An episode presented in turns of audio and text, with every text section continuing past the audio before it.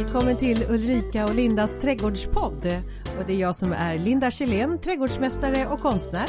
Och det är jag som är Ulrika Levin, trädgårdsdesigner och arkitekt. Dagens avsnitt ska handla om vintergröna växter, faktiskt Linda. Som vi är så tacksamma att vi har i våra trädgårdar så här års. Ja, mm. de tillför ju en hel del till våra trädgårdar och urbana miljöer. Ja. Men du, vad har du gjort i veckan? Du, jag har skottat snö. Ja. ja Gisses vad det har snöat och eh, det här är ju första året, alltså det är inte första året som jag har växthus men det är första året som jag har snö på växthustaket. Eh, så att jag, jag står där och har en sån här eh, vad heter det? Det heter inte skyffel fick jag lära mig här av eh, några följare när jag la ut en film om att jag tog och skrapade taket rent från snö utan raka, det heter eller? raka heter det. Ja. ja, så var det. Det var ju tokigt av mig. Alltså det gäller att, att, välja rätt ord här hela tiden. Det har inte jag lätt. Jag är alldeles för spontant för det. Låter det också som att en raka är bättre än en skyffel ja. på ett glastak? Ja.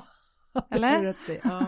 Nej men så det har jag gjort. Jag har, och sen så, ja men sen tycker jag också att nu när det är så mycket snö, då gäller det ju att eh, gå ut och, och med kvasten och, och, slå lite på prydnadsbuskarna så att de inte knäcks.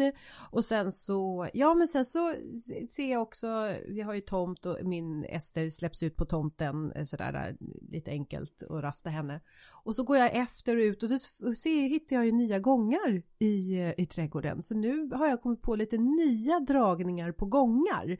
För det ser man ju i snön. Ah, mm. Mm. Eh, och häromdagen så, eh, så fick jag hjälp av att skotta här av våran ljudtekniker eh, Peter. Och då så skottade han också upp en helt ny gång som jag inte alls hade. Jaha, tänkte du lägga den där? Ja, det här är bra. Så att bara det att jag har fått upp ögonen för. Så det har varit mycket snö. Men blir det permanenta gånger då? Det kan vara så att vissa kommer övergå till att bli permanenta för att eh, mm. eh, vissa kanske är lite för, du vet det är ju det där när man planterar något nytt va och så lägger man en gång precis bredvid och sen växer planteringen lite breddar ut sig och helt plötsligt så har den vuxit ut över gången så då har man lärt sig att gångar bör flyttas en bit ut, alltså om inte annat vara bredare om de är, ligger bredvid en rabatt. Ja. Eller så mäter man och räknar ut redan från början. Men man kan göra olika. Ja. Eller hur? Jag sa att jag var den spontana. ja, och det är väl bara att justera. Ja, justera. Ja. Har du justerat några snöhögar då? Nej, men jag har justerat någon annans Instakonto och hemsida faktiskt. Jaha. Eh, nej, men så här, och det här har väl hänt eh, tidigare också. Jag eh, upptäckte att en av mina bilder hade kopierats rakt av och lagts in på eh, ett annat företags hemsida och eh, Instagram. Eh, och det löste sig, jag kontaktade ju företaget direkt och de plockade bort det. Men det här händer ju ibland. Och där är ju liksom, när man jobbar, det där var ju min bild så att det var ju helt fel, det är upphovsrätten som det handlar om då, så att man kan ju inte ta någon annans bild. Men Ibland så märker jag också att eh, foton på mina den, mina eh, trädgårdar eller idéträdgårdar, saker som jag har gjort, eh, fotas och läggs upp i ett sammanhang där man lätt kan tro att det är eh, den ägaren till det här Insta eller flödet och att det är de som äger, alltså de som har gjort det här. Och det tycker jag är, det är liksom på gränsen där, alltså att det är inte alltid så att jag behöver nämnas som designer, för man kan ju använda en väldigt liten del av ett eget foto som man har tagit på någon annans grej. Men när det är andra designers som använder det jag har gjort oh. och att det nästan blir så där så att man kan uppleva som att det är de som har skapat det.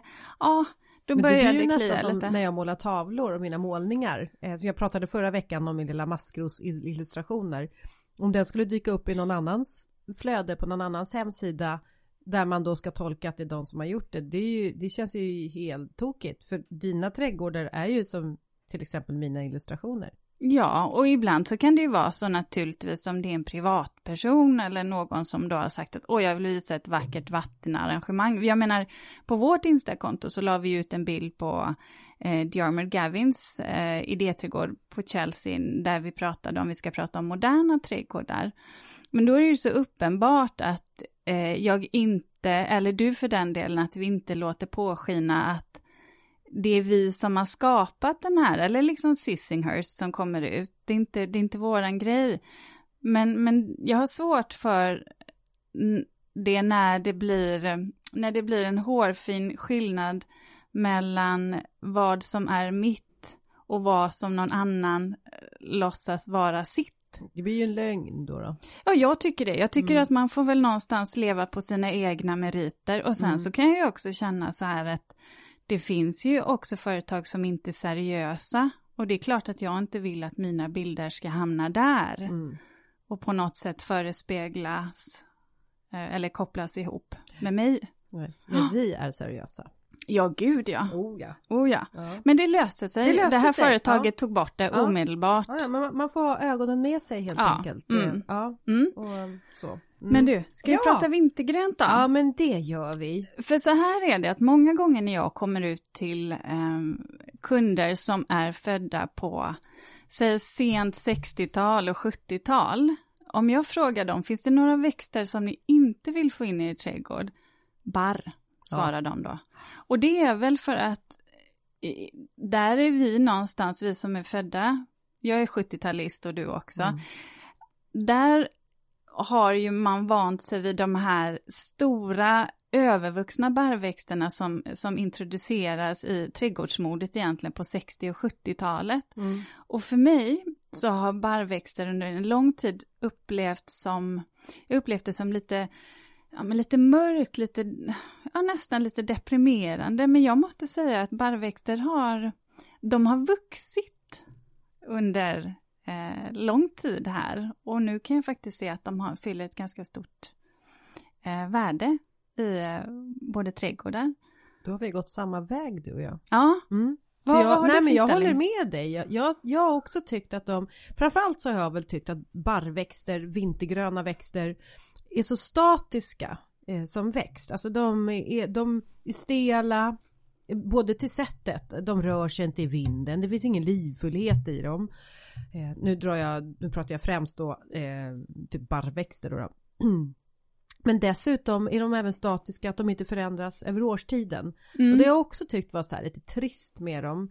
Eh, men, det, ja. ja. och jag tänkte säga, det har de ju eh, det har ju alla vintergröna växter gemensamt, vare sig det är barr eller löv, att de inte ändrar sig. Nej, de ändrar sig inte. Eh, men precis som du säger att eh, ju, ju också handlar också det här, tror jag, om kunskap, att ju fler vackra trädgårdar jag har blivit så här starstruck över och har analyserat så har jag ju sett att där finns ju de här vintergröna växterna som en, en bas och en struktur. Och, men det kommer vi in på här alldeles strax. Men vilket också då har ändrat mitt sätt att se på dem. Och kanske just också att den, det som jag har tyckt varit trist med vintergröna växter är snarare det som jag tycker är det positiva med vintergröna växter. Så det är ju eh, det är fantastiskt hur man kan ändra sig tack vare kunskap och träning. Men har du några vintergröna växter i din egen trädgård då? Ja, men eftersom jag då har varit så här skept, alltså så här ointresserad så har jag ju inte, och det är jag ledsen över att jag för 15 år sedan, då, alltså jag grävde till och med upp rhododendronbuskar. Inte för att jag grävde upp dem för att jag inte ville ha dem utan vi skulle bygga ut en veranda där de stod. Och då var det en granne till oss som bara Ska du gräva upp dem där? Men åh, då får jag hämta. Så han kom och hämtade dem typ på en lastbil. Jag bara ah, okej, okay, tack. Hoppas jag aldrig ser er mer. Men nu idag är jag ju alldeles alltså, jätteledsen över att jag gjorde det. Det är 15 år sedan. Så jag har börjat att återinföra då eh, vintergröna växter och det är en av de första som jag faktiskt införde det är eh, några exemplar utav klottujan. Mm. Klottuja danica, tuja occidentalis danica. Och det gjorde jag ju för att jag såg framför mig att de här bollformade eh, ja, växtsättet. Det tyckte jag så här, det blir läckert i rabatten. Och så tänkte jag, jag som gillar så här lite smartvägar, trädgårdsmästaren genvägar, tänkte jag, då slipper jag hålla på och klippa de här för att de formas ju automatiskt som klot. Så att jag har några klotformade och det fungerar, de har tagit sig jättefint. Sen planterade jag för kanske en, fyra säsonger sedan eh, buxbom. Låg buxbomshäckar eh, som ramar in alla mina tre äppelträd. Och de har verkligen vuxit och tagit sig så att de är sådär, ja, nu börjar de att bli sådär som jag har drömt och visualiserat mig, kraftiga, täta och lite höjd. Och, och, och där kanske vi ska bara säga när vi pratar buxbom att de har ju en sjukdom på sig som vi inte har hittat ett botemedel mot så att det måste man vara medveten om. Mm. Och då vet du vad, då skulle jag säga att det finns ju en ersättningsväxt för buxbom mm. och den är som jag tycker det skulle kunna vara japansk järnek. Ja, Eh, eh, konvexa finns det en som heter. Den, den, ser, den är jättelik buxbom i eh, bladformen, inte lika så här, alltså nu, det är ju, nu pratar vi lik, inte att det är liksom en identisk, identisk kopia, nej. men den har de dragen. Små gröna vintergröna blad som är konvexa som namnet säger, de böjer sig lite inåt. Så den skulle jag säga, den, den är eh, att det kan vara ett sätt att ersätta buxbom. Men Eh, förutom buxbom, sen har jag även eh, idegran är det senaste tillskottet. Ja, ja. Vad, vad, ska du göra med den? Nej men det var, jag vet vad, det här är ett test. Jag ser framför mig att jag skulle vilja nu jobbar jag ju väldigt mycket med fotografering och eh, jag gör mycket filmer hemma i trädgården och jag saknar en eh, grön fondvägg och där tänker jag att en idegran som en grön fondvägg, att stå framför den istället för att ha kanske grannarnas hus synliga skulle ju vara himla käckt. Så att jag håller på att bygga upp en scen då eller en fondvägg. Och sen så, inte för att jag tycker våra, våra grannar har fina hus, det är inte det, men, men då ser man ju husen och inte mig, så det är kanske är därför. Så att idegranen är det senaste tillskottet och hade jag haft en jättetjock plånbok då hade jag planterat hela den här häcken i ett bräde. Men nu har jag inte det så att jag får liksom jobba med lite långsamt framåt. Det skapas. Ja. Och då tänker jag, jag har en idegran som jag har planterat mitt i en perennarabatt men den har jag en plan för att börja formklippa. Ja. Och en lite schysst skulptur, alltså någonting utav mm. den tänkte jag. Det har jag ju också på gång i, i min ja, egen trädgård. Ja, det har du ju. Faktiskt. Vad var det du har? Är det liguster? Nej? Nej, jo, men alltså jag har vintergrön liguster, eh, både som häckar och som formklippta Finns det vintergrön liguster? Nej, alltså det är väl en sanning med modifikation. Ibland på viktig, riktigt skyddade lägen så kan jag uppleva att de, att de blir helt vintergröna. Jag har ett klot som faktiskt är helt grönt fortfarande. Men se, det är samma sak, de kan ju också drabbas av en sjukdom så bla, gulnar bladen lite, blir så här som svarta små fläckar på dem och så trillar ju bladen av i förtid. Det är ingen fara oftast för busken i sig, eh, men den blir inte vintergrön. Och, så att jag kan tycka att det är väl inte en helt rättvisande bild att det alltid blir en eh, tät eh, häck eller klot av vintergrön. Man får ett litet skirt, kan, man, man får liksom ett en grönt eh, inslag i trädgården. Ja. Som är lite skir ja. så. Men där, ja. så att det har jag och sen så har jag ju, ja men rhododendron har jag faktiskt oh, ett parti. Oh, mm. det, nu ska jag använda ett stort ord, men jag älskar din rhododendronplantering under den stora eken. Ja men den är faktiskt oh. fin och där har jag även då kompletterat med marktäcker som är hönsbär ja. under. Som blir får fina vita Vit. blommor men också en väldigt vacker höstfärg faktiskt. Eh, men sen så, ja, sen har jag haft bambu, men den har jag faktiskt adopterat bort. Eh, så det är väl det, det är det jag har.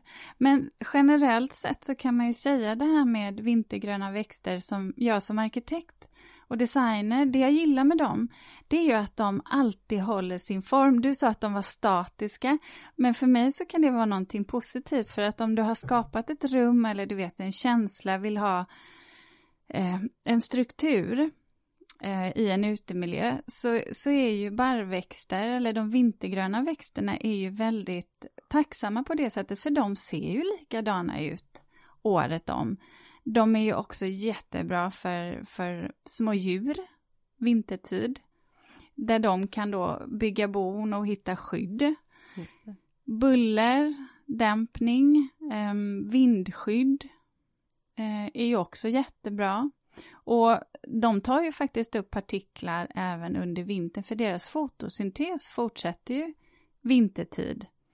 Eh, de vintergröna växterna, bar, barrväxterna i alla fall där, även om intensiteten går ner så har de ju det, vilket gör att de tar ju upp vatten, så på det sättet är det ju också bra eh, utifrån eh, ah, en ekosystemtjänst som, som barrväxterna ger oss, ja. om vi pratar om. Alltså, och ja, väldigt många goda värden, men jag, det jag också kan känna med de vintergröna växterna, definitionen av vintergröna växter, det är ju såklart då växter som behåller sina barr eller blad under hela året. Och man kallar dem ju också för städesgröna. Mm. Men det jag tycker det är att de på något sätt så väver de ihop årstiderna. Mm.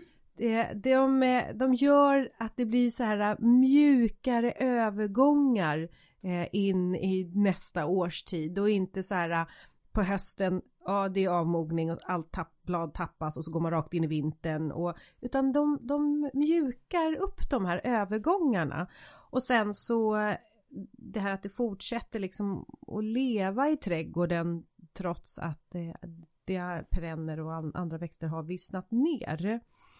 Och det är ju alltid vilsamt för ögat att eh, hitta något grönt och liksom drömma sig bort. Ja men det är det ju. Och sen så kan jag också tycka att det man ska komma ihåg är att det finns ju så många olika varianter på vintergröna växter, både lövfällande men också barrväxter då och också olika nyanser. Mm. Så tycker man inte om det här lite djupgröna, mörkt gröna, ja men då får man satsa på växter som kanske har det här lite krispigare gröna istället. Det handlar egentligen om att man kanske väljer sort med omsorg och som är anpassat till den plats Just det.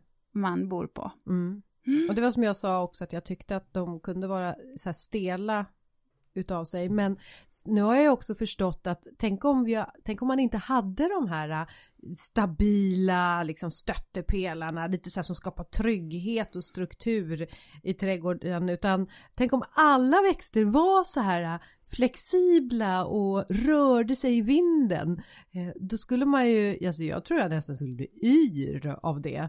Alltså det skulle ju vara som en gungfly, vad heter det, allting bara rör sig. Man behöver ju ha, det, det är som jag, alltså, nu fick jag en sån här bild. Jag tror att jag är den där rörliga, nu tänker jag på mig och min man, det har ju varit alla hjärtans dag. Mm. och då tänker jag på att jag är mer den här rörliga liksom, men han är den här stabila. Han är nog, han är, är nog mera... Han är tallen. Han är tallen. han är furan. ja, precis, ja, ja, familjen. Och jag, jag är den väna lilla forget me gain. Ja. Nej, en Fiat, Fiat Nej. Megay. Nej, det är inte. Du tar mycket större plats. Ja, det gör jag. Jag är solrosen. Ja, ja. kanske med. Ja. Kanske ja. Ja. ja. Men i vilket fall så Sprakande är, med. Ja, kanske en dahlia. Ja, en dahlia kan ja. vara. Ja, det, det, det ja. vill jag gärna vara. Ja. Åh. Men nej, så, så, så, det är så jag ser det. Att man behöver, man behöver få in det där balans, äktenskapliga balansen även i trädgården. Ja, men så är det ju. Definitivt. Och om vi ska prata eh, om några favoriter då, Linda, mm. så eh, har du någonting, har du, någon, har du något träd eller någon buske? Ja, men det har jag. Alltså träd, det har jag väl egentligen inte förutom då som vi pratade om. Jag har inga sorter med det, metall och, och gran. Eh, sådär, det är väl, ja, vad finns det mer för vintergröna? Jo men ginkgo, fast den är ju inte vintergrön, det är en barrväxt egentligen. Ja just det. Eller det är inte en barr, det är varken löv Nej, eller barr. Det är, det är en sån här uh, riktig dinosaurieträd uh, som ja. liksom har Så den är ju egentligen inte vintergrön slog det mig på det sättet, för den tappar ju sina barr. Men om man vill ha det under, eh, om man vill få ett speciellt träd som har lite det här barrliknande utseendet i alla fall, då är ju ginkgon väldigt vackert. Mm, det är den ju. Ja. Men, men annars så, om jag tänker på eh, buskar, så är jag faktiskt väldigt förtjust i eh, eh lagerhäcken. Ja. Otto, Otto Leuken. Ja. Heter det, uttalar man så? Jag vet inte, jag måste ju läsa på skudd hur jag Otto, uttalar. Otto kör vi. Otto, mm. Otto kör vi. Mm. Ja. Nej men den, den tycker jag är, ehm, eh, överhuvudtaget de här olika sorters eh, lagerhägg som finns tycker jag. De får ganska, de får så vackra fina lite långsmala blad. De fungerar eh, både som häck och som en marktäckande buske. De, jag, tycker heller, jag tycker också att bladformerna har inte den här vassheten som kanske järneken mm. har utan en fin och så får de ganska glänsiga. Så den, den gillar jag väldigt mm. mycket. Jag tycker etna är en väldigt bra sort av just lagerhäcken för att den är så kompakt så att man kan göra väldigt fina friväxande häckar ja. av dem. Mm. Mm. Eh, sen, sen gillar jag också den kalmia, både bredbladig och smal kalmia. Påminner ju på ett sätt i blomningen av en blandning mellan rhododendron och stjärnflocka. Mm. I massa olika färger. Eh, men det man ska veta med kalmia det är att allt är giftigt. Så att eh, man kanske inte ska, är man småbarnsförälder sådär så kanske man inte ska plocka in den utan Men den, den tycker jag är dekorativ tycker jag. Mm. Och eh, vad har jag mer? Är ju jag tänker på, jo silverberberis. Mm. Ja men jag vet att jag, det här visste jag att Ja nej nej men kör, kör. kör du. Det är ju inte vet jag du, som ska plantera. Nej, då ska ju växa i min trädgård. Nej men du, silverberberisen tycker jag har ett eh, dekorationsvärde om man vänder på, på bladen. För där är de alldeles så här silvriga där under. Det blir en så här överraskningseffekt. Mm. Så att jag tycker om den. Eh, Och taggiga. Ja, det är ju det där med taggarna mm. ja. Mm. Men jag tycker i alla fall om silverberberis. Ja, ja. Och den eh, klarar sig zon 3 ungefär. Men sen har vi ju också, alltså bergbambu, bimbo, jumbo, vad de nu heter. Simba. Simba finns också. Och rynkolvon. Mm. Kan, ibland kan jag tycka att bladen ser ut som tungor. Lite så här, och lite, nästan som att också de, de har vattenbrist. Mm. Men det finns något ändå som jag gillar med dem. Och så ty tycker jag om det. Jag blev helt tyst. Jag ja, funderade på, fin, finns det verkligen något som jag gillar med hos Rynkolman och så?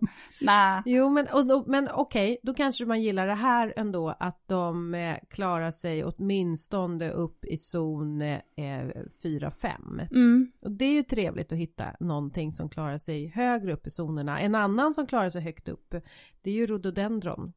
Eh, och Catabiense-gruppen Ja. Klassiker, Cunninghams White, zon 5. Superfin rhododendron mm. och väldigt tät ska jag säga. Så att om man vill ha en tät rhododendron som inte blir för stor så är ju Cunninghams White helt klockren. Mm. Jag tycker den är jättefin. Och jag ser ju den framför mig också. Överhuvudtaget så ser jag rhododendronplanteringar i slänter. Mm. Tycker jag är dekorativt. Så man liksom får, det är som att man planterar dem på en växthylla om alla syns. Mm. Då blir de bakre lite nästan trädlika. Ja.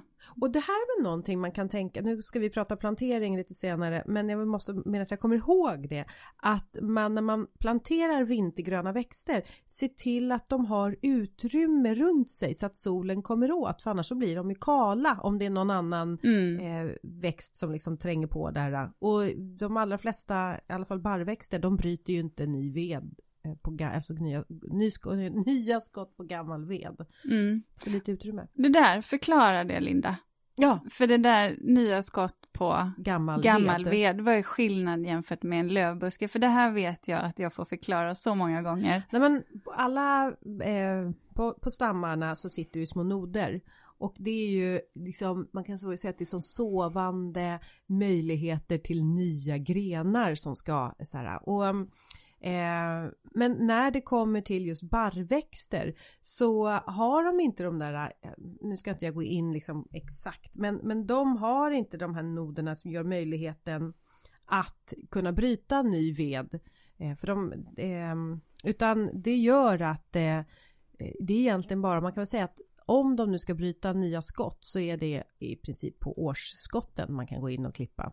Och det är ju därför det är så svårt om man till exempel har fått en tuja eller en eh, frystorka, en frostskada egentligen på sin tuja.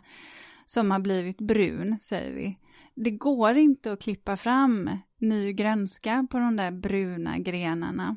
Det är väl idegranen då som man kan, som man kan behandla som egentligen som en lövfällande buske. Ja. Mm. På ett annat sätt. Men annars så kan det vara knepigt med barrväxter. Mm. Så att därav ska man vara väldigt försiktig. Och det kommer vi prata om lite senare i avsnittet vad man ska tänka på. Mm. Det finns någon anledning till att jag har valt idegran som att jag vill ha den som en fondvägg för jag är mm. helt övertygad om att det kommer dyka upp källtorka och det kommer hända saker i min trädgård som gör att jag kommer behöva gå in och klippa och då ja. måste jag ha den möjligheten. Och så här är det ju när det gäller idegran, det är också en giftig växt. Ja. I alla fall bären, eller kärnorna i bären. Ja, hela. hela. Det är faktiskt flera. Jag råkade nämligen ut för det. Eh, för att min Va? dotter kom hem här, eh, en av mina döttrar kom hem, det var inte så många år sedan faktiskt, och eh, ringde och sa att mamma, jag vill göra te på granskott. Och jag satt och jobbade och så kände jag så här att, eh, nej men vänta här nu, granskott, vad har du fått tag på det? Har du gått ut i skogen själv? Det får hon ju inte göra. Nej, nej, nej, vi hittade det i en trädgård. Och min, eh, min kompis hade varit på scouten och hon sa att man kan äta granskott och det kan, det man, kan ju. man ju. Men då kände jag trädgård så här, du, vet du vad, har du ätit av de där? Ja, du får komma upp och visa mig dem. Och då, för jag tänkte så här, jag vet ju vad är det som har nya skott på sig i trädgårdarna nu? Jo, det är ju idegranskott. Så det visar sig att hon hade ju tryckt i sig eh, nya ID-granskott så att det blev ju medicinskt kol, det blev åka in till akuten och sen så fick vi sitta eh, där då tills de hade bevakat henne för man kan ju drabbas av cirkulationssvikt. Ja, ja. Det gick bra. Hennes tunga domnade lite, hon hann ju inte få i sig mer än ett litet skott. Men det får man tänka på när det gäller ridegran, att det är en giftig mm. växt. vad det var, vad, vad du var klurigt tänkt där, som alltså kunde få in att det var inte bara vanlig gran utan det Nej. finns idegran. Det, ja, du det, känner dina barn. Du. Jag känner mina bra. Jag barn. känner ja. området som sådant, vad som växer, ja, växer vart. Ja. Men, men, vad har du för några då? Nu har jag tokrabblat en massa olika bra. Ja, Nej, men jag tycker att idegranen där är jättebra. Hilly är en jättefin mm. sort. Sen finns det ju en som heter Leskov som faktiskt går upp till zon 5. Vad heter den? Leskov. Leskov. Mm. Mm. Och den går ju upp till zon 5, också ah. fin att beskära. Någon som jag gillar att formklippa, eh, det kan ju till exempel vara idegran um, Green Mountain. Eller om man jobbar med en krypidegran. Eh, de här klarar sig upp till zon 4, 5. Mm. Väldigt bra växter i olika höjder då. Eh, men annars så kan jag tycka att det finns ju vissa barrväxter som man bara, alltså träd. Och då tänker jag på, ja men det finns en svarthall eh, som är helt fantastisk, som är som en pelar, den är pelarformad. Som man kan välja. Mm. Eh, och också miniatyrtallen, Water Weary. Okej. Okay heter den. Jag får inga bilder alls. Två till tre meter hög, ungefär lika bred. Ja, men det är lite nästan som man tänker, ja, det är inte bergtall egentligen, men det, de är som små, små, små gröna buskar med ganska kompakta, ja. kompakta korta grenar. Ja. Vilket gör att de är så vansinnigt snygga till exempel om du har lite böljande gräs på sommaren runt omkring det eller grus och, och ganska skulpturala och jätte, jättevackra att belysa mm, faktiskt. Mm. Och barrväxter går ju ganska högt upp men börjar vi komma upp mot Alltså långt i Norrland, då är det ju liksom fjäll, fjällvärlden där, då är det ju gran ja. som man kan prata om. Mm. Och ifall man vill ha vintergröna häckar, då blir det ju gran. Mm. Där och, uppe. Ja, och det är också vindtåliga växter. Mm. Det är väl någonting om man nu ska ha en häck och det får man väl säga vad man vill om tujor men det är också väldigt vindtåliga växter. Ja, och sen kan jag också tycka att i om man vill ha någonting som är vintergrönt till exempel i en slänt så finns det ju faktiskt en jättefin dvärgen eller matten som heter Green Carpet och du vet på tal om den där grönskan, det var en sån här grönska så det ser nästan ut som en gräsmatta. Mm. Du vet om man ser den Mm. på håll. Så, Mm. så är det så här, lite krispigt ljust grönt och det kan jag tycka är ganska snyggt också det här när man kan kombinera eh, färgerna på barren om man jobbar med det. Just det. Men du sa någonting här som, är, som var viktigt och som vi pratade om. Jag nämnde det som fry, frystorka, frostskador.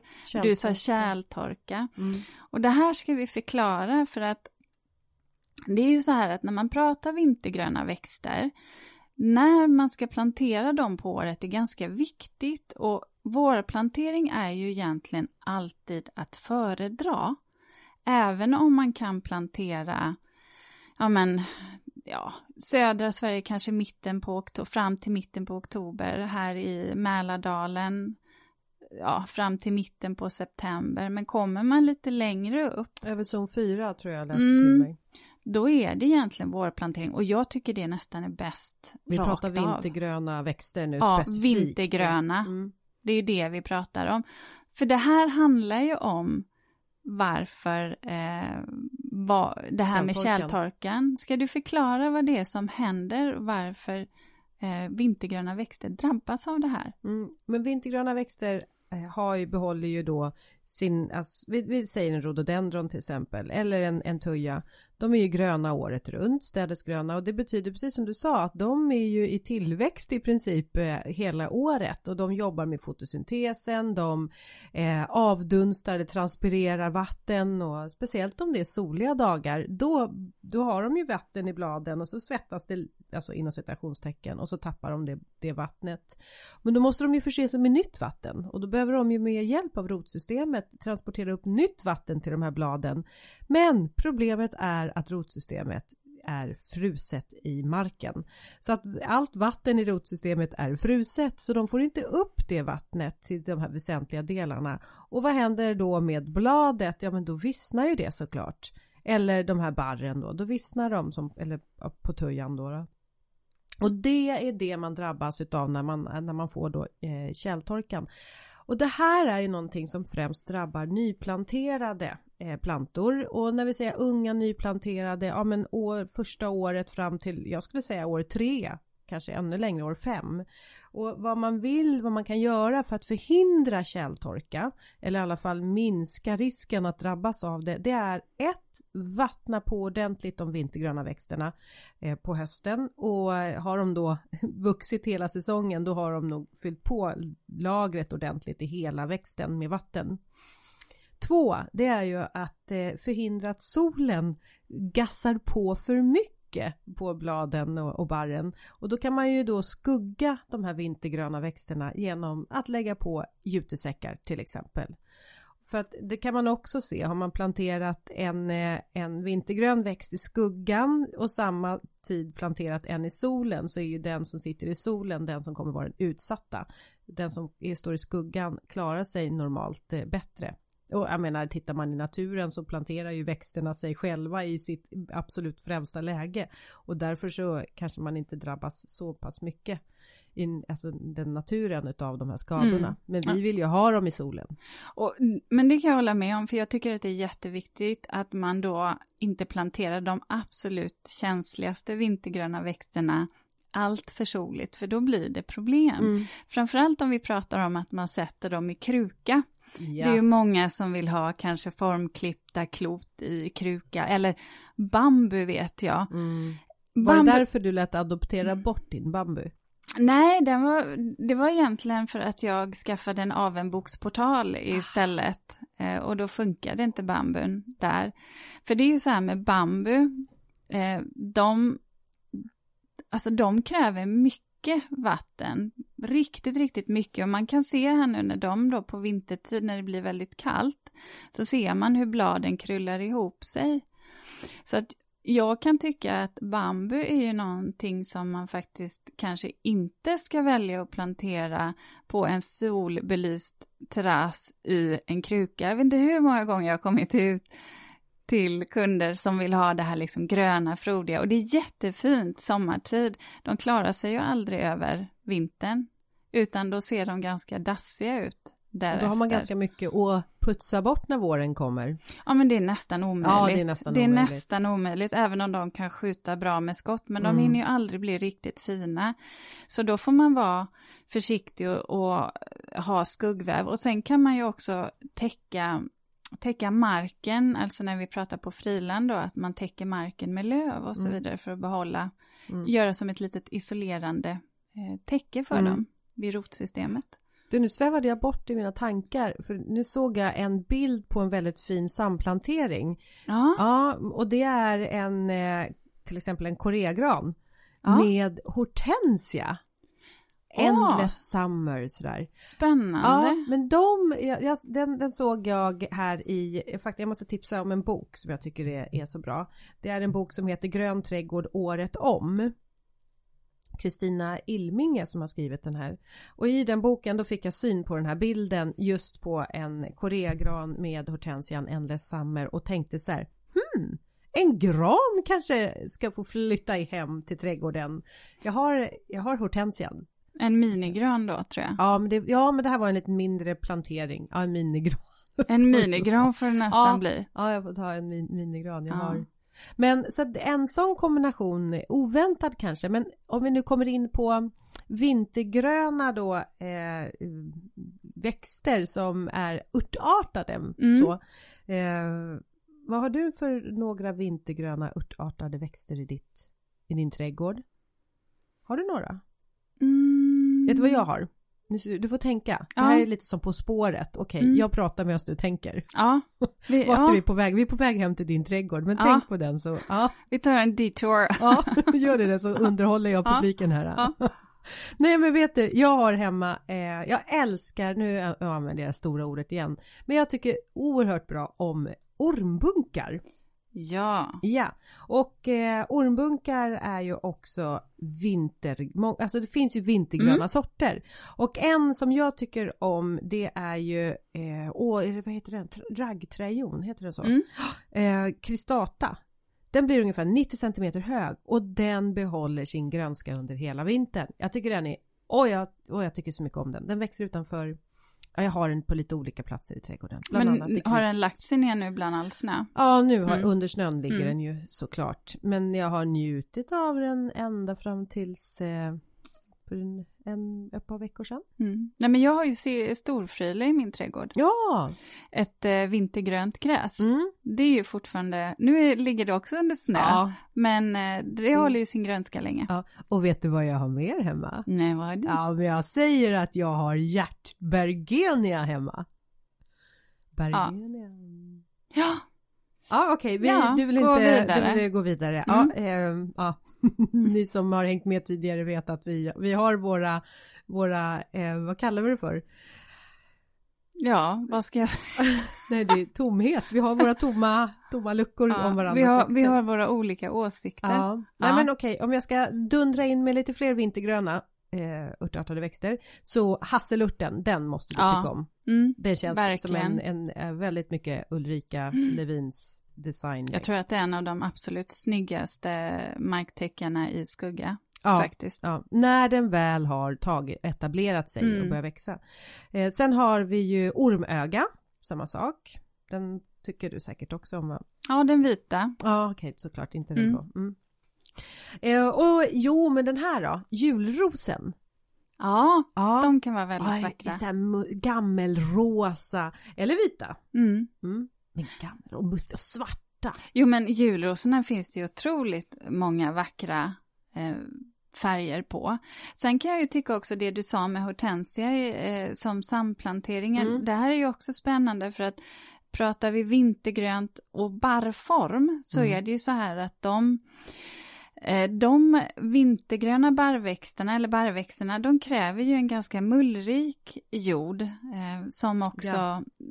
gärna lite, som är gärna lite torrare. Det är ju därför de klarar ganska utsatta lägen också. Mm. Eh, tunga lerjordar är ju det värsta de vet, Mm. så att mullrikt eh, och inte för mycket näring. Och det innebär ju det att det blir med något lägre pH-värde, vilket gör att när man ska göra samplanteringar med barrväxter så behöver man tänka till för då ska man ju välja underplanteringar eller växter som klarar samma jordmån eller ståndort egentligen. Mm. Och därför kan jag tänka mig att den här koreagranen och hortensian och blir väldigt sig. bra. Mm. De trivs båda ja. två och då utvecklas ja. de. Och likadant det som vi nämnde hönsbäret skulle ju också vara väldigt fint att ha under mm. en barrväxt. Medan man däremot om man nu pratar vintergröna eh, lövväxter Ja, jag säga lavendel tror jag skulle säga. Ja. Nej, men ja, men då lavendel med eh, formklippt eh, liguster funkar ju alldeles utmärkt för de vill ha lite mer kväve. Mm. Mm. Just det. För grejen är att anledningen till att man inte ger kväve, så mycket kväve till barrväxterna, det är ju det att de behöver det för det första inte och sen så stimulerar man ju tillväxten för mycket. Mm. Vilket gör att de här eh, nya skotten kanske inte riktigt hinner avmogna och så fryser de istället. Just det. Mm. Eh, vintergröna är ju också en sån eh, jättebra samplanteringsväxt som trivs också i en slänt till exempel tillsammans med eh, rhododendron. Och så en sån där växt som kan vara fantastisk men som också kan bli som ett riktigt ogräs. Så att den ah. känner jag att den får man hålla ja, efter. man får hålla efter. Jag, jag har den tacksamt planterad lite bakom eh, en slänt i skugga bakom vårt garage där jag har någon en. Det, det här är någonting som jag aldrig sköter om utan jag, jag passerar. Vi har väl alltid sådana delar i våra trädgårdar va?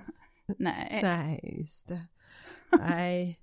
Men, men den har jag där, den tycker jag i alla fall. Eh, skuggbräckan är samma sak. Skuggbräcka är så söt för den får ju som sina små rosetter som den växer ur sina små blomställningar. Eh, men vet du vad jag vet vad jag gjorde häromdagen förresten? Eh, jag eh, plockade några blommor utav julrosen och sen så eh, som snitt i så gammelrosa och sen så gjorde jag en liten bukett med färska svenska tulpaner. Mm. Så med julrosen och tulpanerna och sen så hade jag lite björkris. Det blev så fint! Det lät väldigt vackert. Ja, men och då tänker jag så här man då som jag som, och det gör du säkert också, vill plocka blommor även på vintern mm. så är ju det här en, en fantastiskt att ha. Men mina julrosor finns inte längre höll jag Nej, på att säga. de ligger där under. Ja. Ja, de döljs i alla fall. De döljs. Ja, ja. ja så är det ju. Man kan ju säga också att de här vintergröna växterna tycker jag, de är, och barrväxterna, de är ju verkligen så här självklara i naturträdgårdar precis som du sa i mager och bergig tomt, en skogsträdgård tycker jag att de är. Liksom. Skärgården är de ju ganska klockrent. Ja. Och tänk med ljung till exempel. Mm. Så det finns ju många fördelar med dem mm. och jag tycker att man kan man kan se dem som, som en grön stomme, varje ja. fall om vi pratar träd och buskar. Mm. Som fonder använder jag dem många gånger. Ja att få de här, äh, återigen. Du ser, det är där min nidigransfondvägg ja. som jag är på väg. Ja, i år ska den bli. Den. Ja. Mm. Jag lovar, jag, om jag säger det här så blir det kanske. Ja, jag hoppas att inte rådjuren käkar upp dem bara, de nya skotten. Eller din dotter. Ja.